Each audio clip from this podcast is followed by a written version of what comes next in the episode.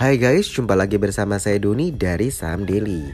Kali ini kita melanjutkan seri podcast sebelumnya ya, masih mengenai analisa fundamental. Kalau di podcast yang sebelumnya ya, kita membahas mengenai net profit, net revenue begitu ya. Yang kali ini kita fokus ke hutangnya ya, ke debtnya. Nah, apakah salah kalau kita memiliki hutang? Sebenarnya tidak, asalkan hutang tersebut hutang yang uh, menghasilkan, yang digunakan hutang itu untuk produktif ya, hal yang produktif. Sama halnya dengan perusahaan, ketika dia uh, melakukan hutang ke pihak bank misalkan, atau dia menerbitkan red issue gitu ya. Itu tujuannya untuk apa? Misalkan dia untuk membeli mesin-mesin uh, produksi baru atau dia ekspansi mendirikan pabrik baru misalkan di luar Jawa atau di kota lain seperti itu ya guna meningkatkan produksinya. Itu kita bilang sebagai good debt ya kan uh, hutang yang baik. Nah uh, dan yang teman-teman tidak boleh lupa bahwa hutang ini kan ada hutang pokok dan bunga ya kan? Kalau kita berhutang pasti dikenakan bunga. Jadi nanti ini kita harus melihat apakah perusahaan tersebut hutangnya kategori wajar atau perusahaan yang hutangnya terlalu agresif ya. Hutang-hutang-hutang tapi tanpa dia memperdulikan kemampuan dia untuk membayar hutang yang ada di bank misalkan. Jadi hutang itu kan ada hutang pokok dan hutang uh, bunganya ya. Ini yang tentu harus menjadi pertimbangan dari suatu manajemen ketika memutuskan untuk uh, berhutang ya kepada pihak bank Nah, di saham daily sendiri kita uh, lebih memilih perusahaan-perusahaan yang debt to equity ratio-nya itu di bawah dari satu, lebih kecil dari satu, begitu ya. Dari ini kan uh, cara hitungnya itu total liabilities dibagi total equity ya. Kalau bahasa Indonesia mungkin total kewajiban dibagi total modal ya, seperti itu. Nah, memang kriteria kita adalah DER-nya lebih kecil dari satu. Ini artinya perusahaan ini memiliki hutang yang lebih kecil dari modalnya, begitu. Jadi dengan hutang yang wajar ini diharapkan suatu perusahaan tersebut memiliki daya tahan yang cukup kuat ya menghadapi kenaikan suku bunga maupun krisis begitu ya. Tapi kalau perusahaan DER-nya itu lebih besar dari satu, ini artinya perusahaan terlalu agresif ya dalam berhutang sehingga uh, kemampuan dia untuk membayar hutang plus bunga itu juga pasti akan lebih berkurang ya. Karena uh, bunga itu kan dia akan mengurangi dari labanya begitu ya. Jadi kalau hutangnya terlalu besar beban bunganya juga pasti besar ya. Seperti itu. Saya kasih deskripsi begini kalau misalkan kondisi ekonomi lagi tidak bagus, eh, lalu daya beli masyarakat turun, tentu akan berdampak kepada pendapatan perusahaan di mana daya beli masyarakat turun, tentu pendapatan perusahaan turun, ya kan?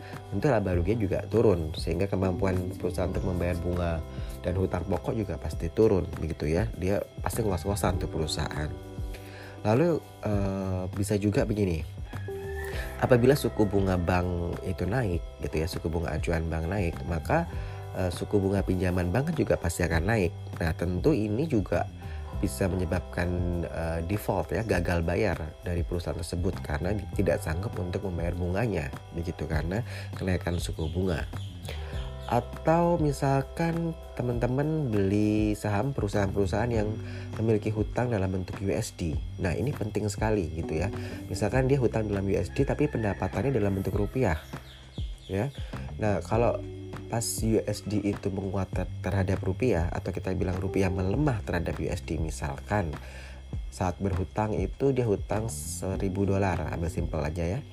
Di saat itu satu dolarnya itu harganya 13.000 lalu ketika rupiah melemah di mana satu dolar jadi 14.000 nah tentu hutangnya kan makin besar tuh. Jadi kalau 13.000 dikali dengan 1000 ya ya kan? Tadi kan uh, 1000 dia hutangnya. Itu 13 juta ya kan? Lah kalau rupiahnya melemah jadi 14 ribu nih jadi 14 juta dong hutangnya. Jadi ada makin besar kan? Gitu. Jadi dan ketika perusahaan tersebut ingin membayar uh, dalam bentuk USD tentu dia akan membayar uang lebih banyak ya kan? 1000 rupiah lebih banyak untuk satu USD-nya begitu. Jadi ini juga sebagai gambaran ya bahwa ketika teman-teman memiliki memiliki atau membeli uh, saham perusahaan yang memiliki utang USD yang besar gitu ya. Nah, itu juga harus diantisipasi ya. Lihat uh, bagaimana perusahaan tersebut apakah dia melakukan hedging atau tidak ya. Kalau kita lihat di laporan keuangan ya untuk mengetahui posisi hutang ini ya teman-teman bisa lihat di balance sheetnya ya di neracanya. Itu teman-teman lihat di jumlah liabilitas ya jumlah liabilitas. Lalu ada lagi kedua jumlah ekuitas yang dapat diatribusikan kepada pemilik entitas induk bersih ya. Itu misalkan jumlah liabilitasnya dia ada 75.000 lalu jumlah ekuitas yang dapat diatribusikan itu 85.000 berarti kan 75.000 teman-teman bagi dengan 85.000 0,88 ya. Berarti kan masih di bawah satu. Berarti perusahaan tersebut dernya di bawah satu uh, kita bilang good debt ya. Masih hutang yang kategori sehat begitu. Lalu kalau sudah begitu langkah apa selanjutnya?